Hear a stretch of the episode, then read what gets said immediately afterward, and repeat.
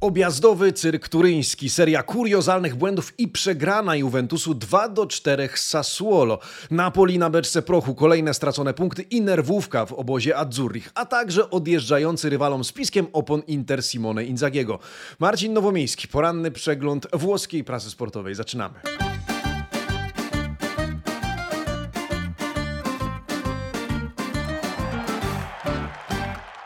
Buongiornissimo, amici sportivi, poniedziałek 25 września 2023 roku. Dzień dobry.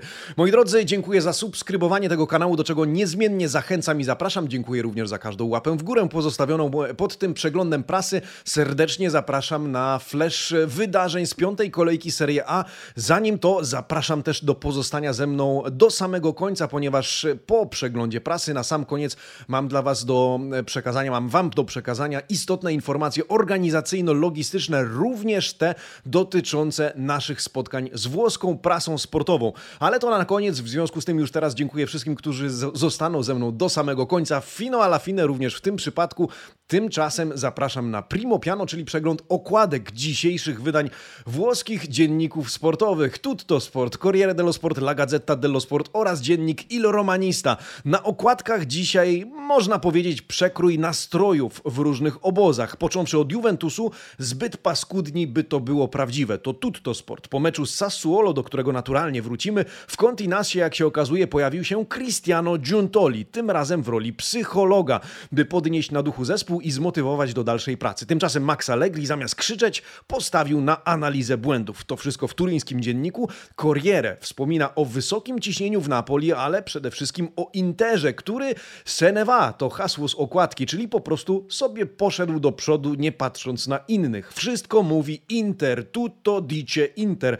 E, pisze dzisiaj Gazeta dello Sport. Zwycięstwo w Empoli, no i Di Marco w stylu Roberto Carlosa, jak to ładnie określa dzisiaj turyński Tutto Sport. Żałuje za to Roma, peccato, szkoda. To hasło z dziennika Il Romanista. Na kilka minut przed końcem meczu z Torino Giallo Rossi prowadzili 1 do 0 po bramce Romelu Lukaku, ale wyrównał Duvan Zapata, wygwizdany z kolei Gallo Belotti. Cieszą się też Milan i Fiorentina, uskrzydlona przez Giacca Bonaventurę. My wrócimy również do Lazio, ale wszystko po kolei. W tle Domanda del Giorno, a nawet dwa due Domanda del Giorno. Pierwsze dotyczy tego, czy Wojciech Szczęsny, waszym zdaniem, po meczu z Sassuolo powinien stracić na krótko bądź na długo miejsce w bramce Juventusu oraz co jest przyczyną, z waszym zdaniem również, tego, co się dzieje w tym momencie Napoli. Trener, piłkarze, a może coś innego. Do tego wszystkiego zerkniemy pod koniec naszego przeglądu prasy. Ja zapraszam do tego, żebyśmy zaczęli od Milanu.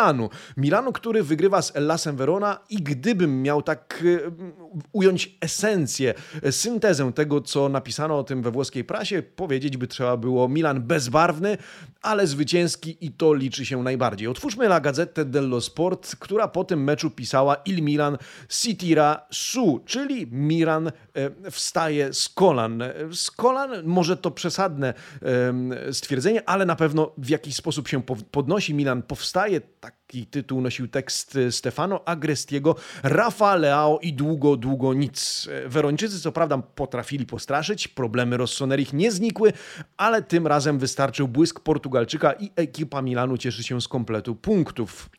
Problemem, na który niezmiennie zwraca ostatnią uwagę Gazeta dello Sport oraz redaktor Agresti w tym wypadku, e, to bardzo ograniczony wybór, który Stefano Pioli ma w ofensywie. Co prawda trzeba dziękować Giroud za to, że stawia się do dyspozycji kolegów z zespołu, ale wciąż widać i czuć, że czegoś brakuje. Gazeta zwraca też uwagę na przełamanie pewnego tabu. Mianowicie Milan wygrał wszystkie ostatnie sześć meczów ligowych z Ellasem Verona. E, to najlepsza seria Rossonerich przeciwko Giallo Blue, a przy okazji osobną kolumnę poświęcono temu po prawej stronie żenującemu zachowaniu kibiców Werony, którzy w trakcie minuty ciszy dedykowanej byłemu prezydentowi Włoch Giorgio Napolitano oraz zmarłej legendzie Milanu Giovanniemu Lodettiemu nie uszanowali tego i posunęli się do niewybrednych przyśpiewek, wtedy gdy godne raczej było milczeć. Dziennikarze podkreślają też, że w meczu sędzia Fabio Maresca mógł jeszcze odgwizdać rzut karny dla gospodarzy po faulu Hiena na Loftusie Ciku, ale ostatecznie tego nie zrobił. Zerknijmy do rubriki rubryki Le Pagelle. Sprawdźmy, jak oceniono oba zespoły. Milan na szóstkę, Verona też na szóstkę, to jako zespoły.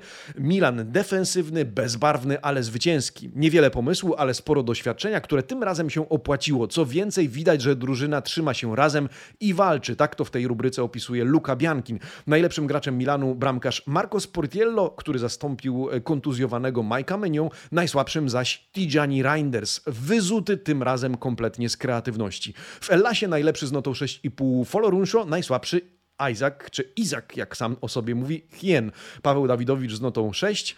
E, no tak to się przedstawia w rubryce Le Pagelle. Na co jeszcze warto zwrócić uwagę, zanim przejdziemy do meczu Sassuolo-Juventus, e, to już poza meczem Milan-Ellas, e, wspomnijmy, że cały czas pozytywnym zaskoczeniem są ekipy Frosinone i Lecce. Frosinone zdołało zremisować z Salernitaną, prowadziło, ale to jednak nadal cenny punkt przywieziony do regionu Latium. Lecce nie bez problemu, ale pokonało Genoę 1 do 0 e, po dobrej bramce e, Udę. E, kto by pomyślał, że Lecce po pięciu kolejkach będzie plasowało się w czołówce Serie A, nie niczym Udinese jakiś czas temu. Zobaczymy, kiedy powietrze zejdzie z tego balonu, jeżeli w ogóle to się stanie, no bo kto wie, być może mamy do czynienia z prawdziwą sensacją w tym sezonie w wykonaniu Giallo Rossich, ale tych z południa Włoch, a w zasadzie bardziej południa nawet niż Rzym, czyli z regionu Salento. No dobrze, zmierzmy się z tym. Porozmawiajmy o objazdowym turyńskim cyrku nie Monty Pythona, ale Massimiliano Allegriego. Sassuolo kontra Juventus. Co tam się wydarzyło w regionie Reggio Emilia? Na początku zasłużone komplimenti dla Neroverdi, komplimenti do Sassuolo, dla Sassuolo, ponieważ w zeszłej kolejce, e, przypomnijmy, to oni przegrali właśnie 2 do 4 z zespołem Frosinone, no więc jeżeli rehabilitować się, to w taki sposób w starciu z wielokrotnym mistrzem Włoch, w starciu z e, drużyną mocniejszą na papierze, w starciu z drużyną, która w Reggio Emilia, umówmy się, na Mampei Stadium, mogła liczyć na sowity, solidny doping ze strony kibiców licznie wspierających Starą Damę. No ale 4 do 2, mecz wielbłądów, w związku z tym Zerknijmy, jak to komentuje włoska prasa sportowa, zaczynając od turyńskiego Tutto Sport, które po tym meczu publikowało artykuł e, Juve KO, e, Juve KO czyli knockout Juventusu, ma quanti errori assurdi, ileż to absurdalnych błędów e, ze strony Bianconerich. Tak absurdalne błędy za takie pieniądze. Co ciekawe, turyński Tutto Sport od razu wytknął po tym, meczom, po tym meczu graczom Juve, ileż to kosztują turyński klub. 145 milionów euro brutto rocznie. To niegodne wręcz, żeby za takie pieniądze oglądać takie w cudzysłowie widowisko. Tak pisał wczoraj redaktor Stefano Lango. Jedynym, który ostał się w tym teatrze absurdu był Federico Chiesa, któremu nie można było odmówić walki i ambicji, który zdobył też zresztą piękną bramkę na 2 do 2. Jego reakcja, e, ta determinacja, sportowa złość mówi sama za siebie, ale to, co pokazali Bianconeri wczoraj w tym meczu, e, czy w, e, przedwczoraj w tym meczu, wczoraj Gazeta dello Sport określała plastycznie dosyć i obrazowo e, La Galleria degli Orrori, czyli galerią koszmarów, galerią horrorów, szalone wprost błędy Wojciecha Szczęsnego, niezrozumiałe zachowanie Federico Gattiego przy strzale samobójczym na 4 do 2 dla Sassuolo. Można się zastanawiać, czy przebiło to skalą absurdu sytuację sprzed lat, kiedy to Christian Paulsen podał piłkę do rozgrzewającego się za linią boczną Dawida Trezeguet, to od razu przyszło mi na myśl. Tydzień bez pucharów miał być bonusem dla Juventusu, tymczasem okazał się czymś zupełnie odwrotnym. Deszcz gwizdów z trybun, jak jak to określają Włosi, był jak najbardziej uzasadniony i zasłużony. Wściekły po tym meczu był Massimiliano Allegri, który już przed tym spotkaniem przestrzegał przed nadmiernym entuzjazmem, no i tymi prasowymi zapowiedziami e, przewagi Juventusu nad rywalami w związku z brakiem udziału w tegorocznych pucharach europejskich. Okazało się, że to Kalo, e, e, czyli ten spadek atencjone, uwagi, koncentracji odbił się w bardzo istotny i w bardzo dotkliwy, bolesny sposób dla ekipy toskańskiego trenera. Zobaczmy Le Pagelle. Tam e, obrazka możecie się spodziewać. E, Gazeta dello Sport publikuje noty w taki sposób.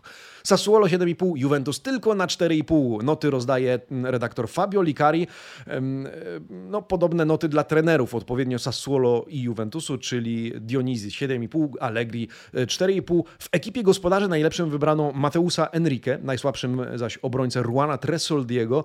W Juventusie najlepszym z siódemką Federico Chiesa, jedyna siódemka w zespole Bianconerich, najgorszym z czwórką Wojciech Szczęsny, który zafundował kibicom, jak czytamy, show pełne grozy. Tak to określa Fabio Licari. Czwórkę otrzymał też Federico Gatti, którego z kolei Corriere dello Sport wybiera mianem Il Peggiore. Zauważmy też bardzo niską notę dla sędziego Colombo, który powinien był wyrzucić z boiska Domenico Berardiego za wejście w nogę Gleisona Bremera. Sędzia Fabri, siedzący na VAR, też nie pomógł. Obaj skrytykowani, ocenieni na 4,5.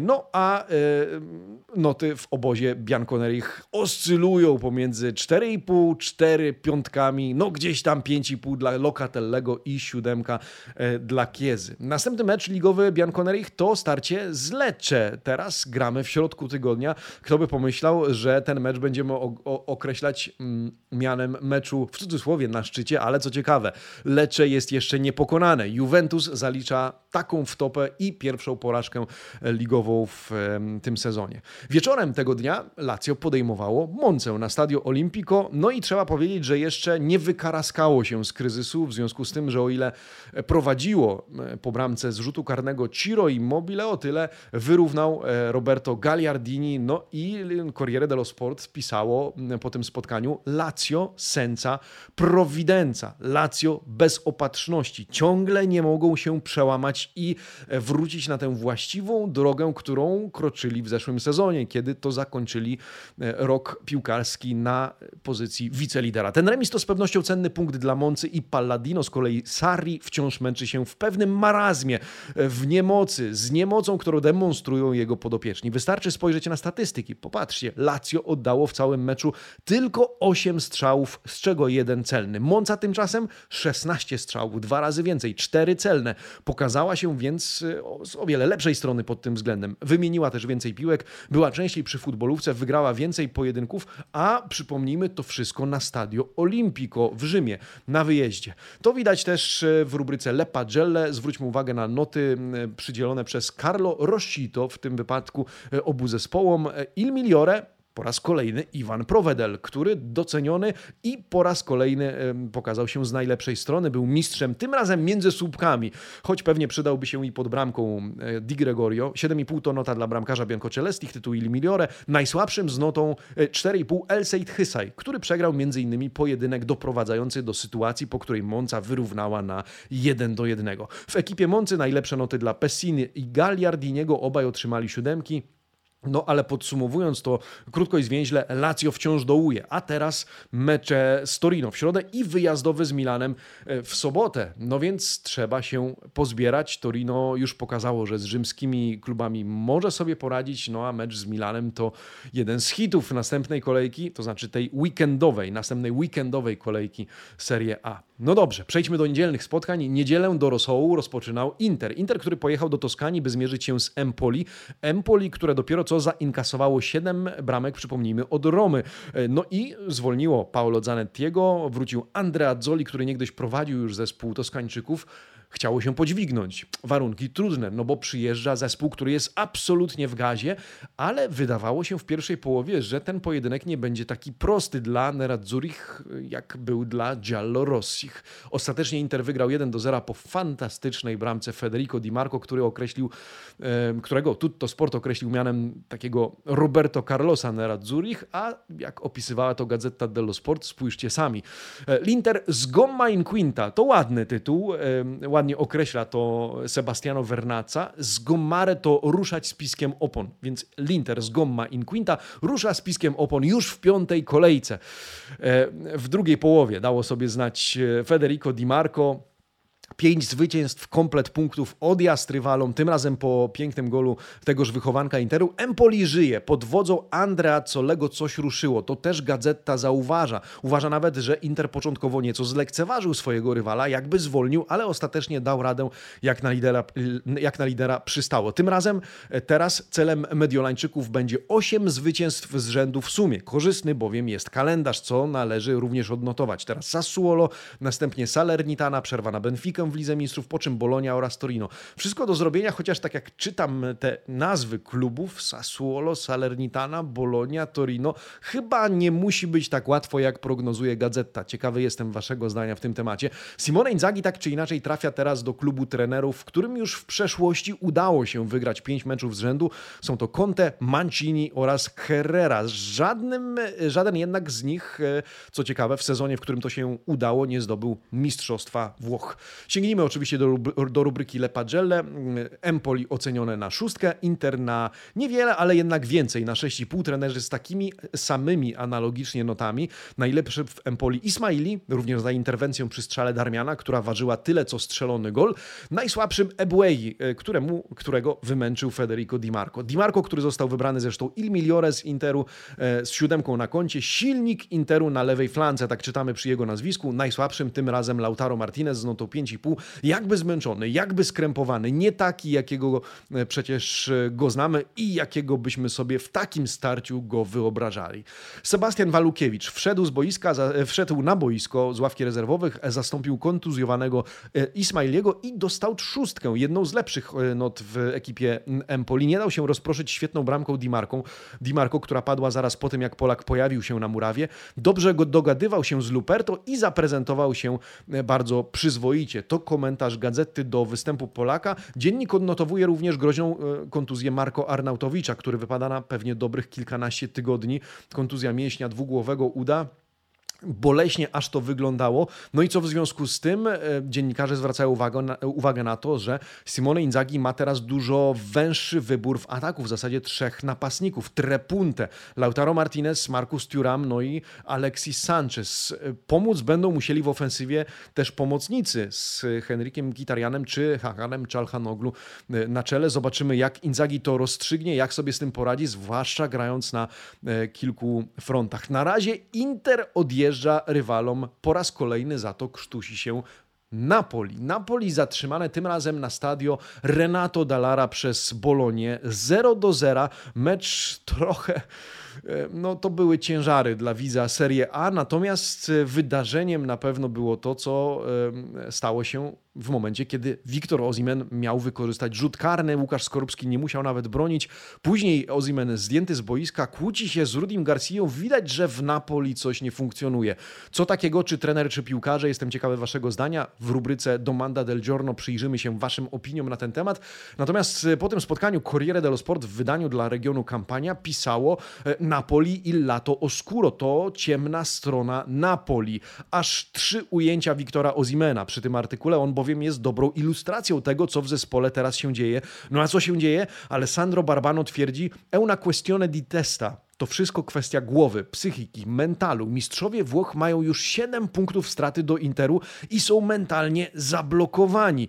Sensacyjny błąd Nigeryjczyka z 11 metrów. Łukasz Skorupski nie musi nawet interweniować, bo Ozimen nie trafia nawet w bramkę. Tiago Motta wygrywa pojedynek z Rudim Garcją, zamyka Azzurri w klatce na Renato Dallara. Tak czytaliśmy w artykule głównym, czy tak czytamy dzisiaj w artykule głównym w Corriere dello Sport, ale osobno poświęcono sporo miejsca atmosferze w Napoli, no i temu incydentowi e, przy okazji zmiany Ozimena na 5 minut przed końcem regulaminowego e, czasu gry, czy podstawowego czasu gry w drugiej połowie spotkania. Zerknijcie na tę rozkładówkę.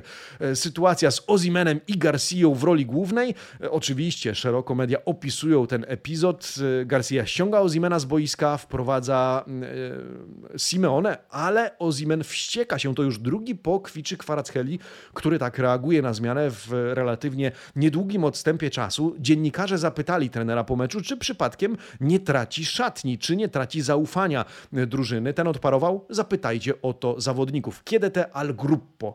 Jak wyjaśnił tę sytuację z Ozimenem, to co powiedziałem Wiktorowi zostanie między nami. Mierzymy się z trudnościami, ale to czas, w którym przekonamy się, kto jest prawdziwym mężczyzną. Tak powiedział, kto jest prawdziwym mężczyzną, tak powiedział szkoleniowiec Adzurich po tym spotkaniu. Pretensje do Ozimena, co ciekawe, za, te, za, za tę reakcję i zachowanie miał kapitan zespołu Giovanni Di Lorenzo. To zachowanie, którego z pewnością nam nie potrzeba, poradzimy sobie jednak z tym we własnym gronie. Tak skomentował to po meczu 30-letni kapitan Azzurrich. Aurelio De Laurentiis z kolei opublikował po spotkaniu tweeta, w którym niejako chciał chyba dodać otuchy zespołowi. Napisał bowiem od tego miejsca i od tego momentu zaczniemy od nowa. Brawo Napoli. Napoli siedzi na beczce prochu, jak pisze e, włoska prasa. Napoli w nerwach. Jak to wygląda w e, rubryce Le Pagelle? Zobaczmy noty dla obu zespołów w Bolonii, bo od niej zacznijmy. Ona była gospodarzem tego spotkania. Najlepszym Doje z notą 6,5, najsłabszym Freuler z 5,5. Łukasz Skorupski z szóstką, bez błędów, chociaż ryzykował interwencją w 31 minucie na pograniczu faulu. W Napoli najlepszym Zambo Anguissa z 6,5. No wreszcie, pisze Corriere dello Sport, finalmente Angisa. Z kolei najsłabszym tym razem Wiktor Ozimen zaledwie z piątką. Piotr Zieliński z notą 6,5. Dobrze było go oglądać. Sprawia, że ziemia niczyja staje się poniekąd ziemią wszystkich, dzięki temu jak współpracuje z kolegami. Inspirujący wizjoner. Tak to podsumowuje Antonio Giordano. Tyle w Napoli. No ciekawe. Jak to oceniacie? Za chwilę to sprawdzimy. Tymczasem na koniec inne peccato, inne szkoda to w wykonaniu Giallorossich tych z Rzymu.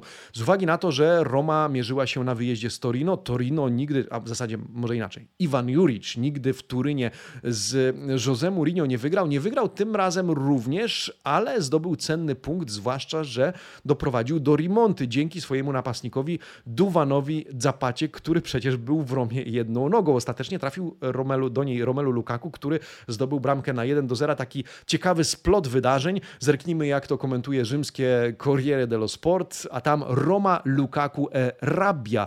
Roma, Lukaku i wściekłość. Mm, bardzo fizyczny pojedynek. Odblokowany w drugiej połowie przez Belga. To zresztą jego trzecia bramka w barwach Romy. No ale na koniec faktycznie wściekłość, bowiem Torino zdołało wyrównać po stałym fragmencie gry strzale Duwana Zapaty. To byłoby bardzo cenne zwycięstwo Giallorossich, ale Zapata rozwiał marzenia o kolejnym zwycięstwie. Pozytywem jest jednak układająca się dobrze współpraca Dybali z Lukaku. Ten duet faktycznie funkcjonuje, tak to ocenia Roberto Maida. Lukaku zresztą, zresztą został wybrany in migliore tego meczu. Dostał siódemkę, najsłabszym tym razem Nemanja Radonic z Torino, ten, który niedawno przecież pokazał się z bardzo dobrej strony w barwach Granata. Nikola Zalewski pojawił się w 70 minucie, zagrał na pozycji trekwartisty, ale nie pokazał niczego nadzwyczajnego i otrzymał notę 5,5. Roma faktycznie może czego żałować, ma czego żałować, no i pewnie e, żałuje. No a na koniec mam dla Was, i to związane jest z meczem mm, Torino-Roma, E, pewne nowum w świecie włoskiej piłki w, we współpracy Federacji Związku e, sędziów z telewizją Dazon mogliśmy usłyszeć, czy Włosi mogli usłyszeć, przynajmniej to na razie, ale pewnie będą krążyć te zapisy audio gdzieś tam w sieci, e, jak wyglądają rozmowy arbitra głównego z wozem VAR w trakcie spotkań. Open VAR, tak nazywa się ta inicjatywa, czyli otwarty VAR.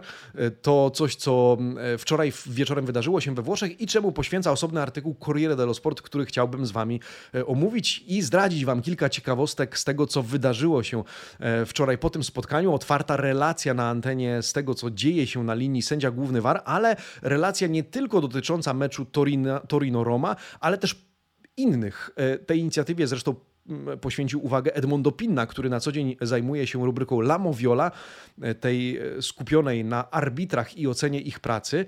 E, oprócz wydarzeń z meczu Romy omówiono na przykład sytuację z Westonem McKinney i piłką, która wyszła, a w zasadzie nie wyszła za linię boczną. Co się wówczas wydarzyło? No, w tym artykule opisano to w ten sposób. Na boisku sędzia Mareska, w wozie VAR sędzia Irrati, Amerykanin przyjmuje piłkę, a z boiska słyszymy w boisku, graj dalej. Irrati w wozie VAR tymczasem patrzymy na na piłkę, wydaje się być na styku, ale w boisku. Daj mi obraz z EPTS, czyli kamery obsługującej półautomatycznego spalonego. Chwila weryfikacji, po czym Irrati mówi: Nie mamy dobrego obrazu, nie ma dowodu, że piłka wyszła za linię, możesz wznowić grę. I wówczas arbiter Mareska wznawia grę. Ciekawa sytuacja również w meczu Frosinone-Sassuolo, opisana w ostatnim akapicie tego artykułu, e, to znaczy starcie Tresoldi-Kedira, kiedy to sędzia Promptera najpierw nie odgwizduje karnego i krzyczy troppo poco, troppo poco, czyli zbyt mało, zbyt lekki kontakt, po czym słyszy od pełniącego funkcję Valeriego, Położył na nim obie ręce. Gdyby go nie przewrócił, ten dostałby piłkę. Rekomenduję ci podejście do monitora i weryfikację tej sytuacji. No i on podchodzi do monitora, później odgwizduje rzut karny. W programie omówiono, nie omówiono za to y, na przykład sytuacji z Berardim i Bremerem, która y, ewidentnie klasyfikowała się na czerwień dla gracza Sassuolo, o czym już powiedzieliśmy. No jesteśmy ciekawi, czy to taki jednorazowy wyskok i jednorazowa ciekawostka, czy też, jak określa to Edmondo Pinna w tym artykule, rewolucja, która jak każda musi mieć gdzieś swój początek i teraz miała początek e, po meczu Torino-Roma. Amici Sportivi, tyle z przeglądu prasy. Za chwilę do Manda del Giorno ja przypominam też o tym, żeby zerkać do Calcio Fantasy. E, ciekawy jestem, jak tam wasza punktacja, jak tam wasze wyniki. No, jeżeli ktoś ma, tak jak ja, duet Lautaro i Ozimen w ataku, no to pewnie nie jest przesadnie szczęśliwy po tych kolejkach. Natomiast to o fantazy już niebawem e, Hubert Czemierowski z podcastem Calcio Fantasy. Ja sięgam do rubryki Lep, nie Lepagelle, oczywiście do Manda del Giorno e, w zakładce społeczność. Najpierw pytanie, czy po meczu z Sassuolo Wojciech Szczęsny powinien stracić w e, miejsce w bramce Juventusu? Tutaj jesteście praktycznie zdecydowani. 75% z Was stawia na opcję nie, tylko 25% z Was uważa, że tak. E, komentarze w stylu, a czy po meczu z Sassuolo Wlachowicz powinien stracić miejsce w pierwszym składzie, bo nie zdobył bramki? E, Tomek Elix pisze, nie powinien, Wojtek już tak ma, że broni e, dobrze przez serię spotkań, a potem przychodzi mecz, gdzie tworzy memy jak Maguire. Na pewno powinni odpocząć sędziowie VAR. Z kolei Rafaello twierdzi, że powinien, ale tylko na jeden mecz, powinien dostać przymusowe wolne, żeby złapać kilka głębszych oddechów i zresetować głowę. No ale 75% z Was mówi nie, niech broni dalej. Tu nic takiego na dłuższą metę groźnego się nie stało. Tymczasem druga domanda del Giorno. E, co waszym zdaniem jest problemem obecnego Napoli? Tutaj już macie różne zdanie. 48% z was stawia na trenera Rudiego Garcia, 42% z was stawia na postawę piłkarzy, 11% e, na inną przyczynę. Ja jestem ciekawy komentarzy. Okoń pisze, to problem sytego kota. Ciężko się gra po zdobyciu tytułu, trudniej się broni czegoś niż to zdobywa. Marcin pisze, wydaje się, że pewne schematy gry zostały już rozpracowane przez przeciwników i taki Kwara nie ma już takich możliwości gry, jak miewał w tamtym sezonie. Troszkę przypomina Krasicia w Juve, choć potencjał nieporównywalnie e, większy, a trener nie ma pomysłu na grę z tym składem. Zawodnicy zaś też chyba nie weszli jeszcze w sezon. E, Ennu Jardous pisze to, że w zeszłym sezonie to był błąd w Matrixie, a teraz grają na swoim poziomie. To jeszcze inne spojrzenie. E, Tomo pisze, Napoli nie ma żadnego problemu. Spalletti zrobił kosmiczny wynik ponad stan. Nowy trener mierzy się teraz z oczekiwaniami, które przerastają piłkarskie możliwości klubu. Wiele ciekawych komentarzy. Pojawiało się rzeczywiście to, że ponad stan to obrazek z zeszłego roku, a teraz to norma. No ciekawy jestem. Zapraszam do tego, żebyście podzielili się swoją opinią. Amici Sportivi, co dalej? Może najpierw zacznijmy od tego tygodnia i od planu na ten tydzień. Z uwagi na mój wyjazd służbowy. My słyszymy się, moi drodzy, dopiero za tydzień e, z przeglądem prasy oraz z podcastem Calcio di Notte. Dzisiaj wyjątkowo nie spotkam się z Wami w tym formacie. E, e, podcast Calcio Fantasy wjedzie w piątek po następnej tej środkowo-tygodniowej kolejce Serie A. W weekend zobaczymy się za to w Eleven Sports. Sporo studiów czy sporo rozmów przed ciekawymi pojedynkami. Juventus zmierzy się wówczas z Sassuolo, Lazio zmierzy się z Milanem, no to wszystko będziemy omawiać w studiu Eleven, więc serdecznie, serdecznie zapraszam. Natomiast y, miałem z Wami poruszyć kwestię dotyczącą przeglądów prasy. Moi drodzy, będę szczery, otwarty i transparentny. Od jakiegoś czasu analizuję statystyki wokół naszych spotkań z włoską prasą sportową.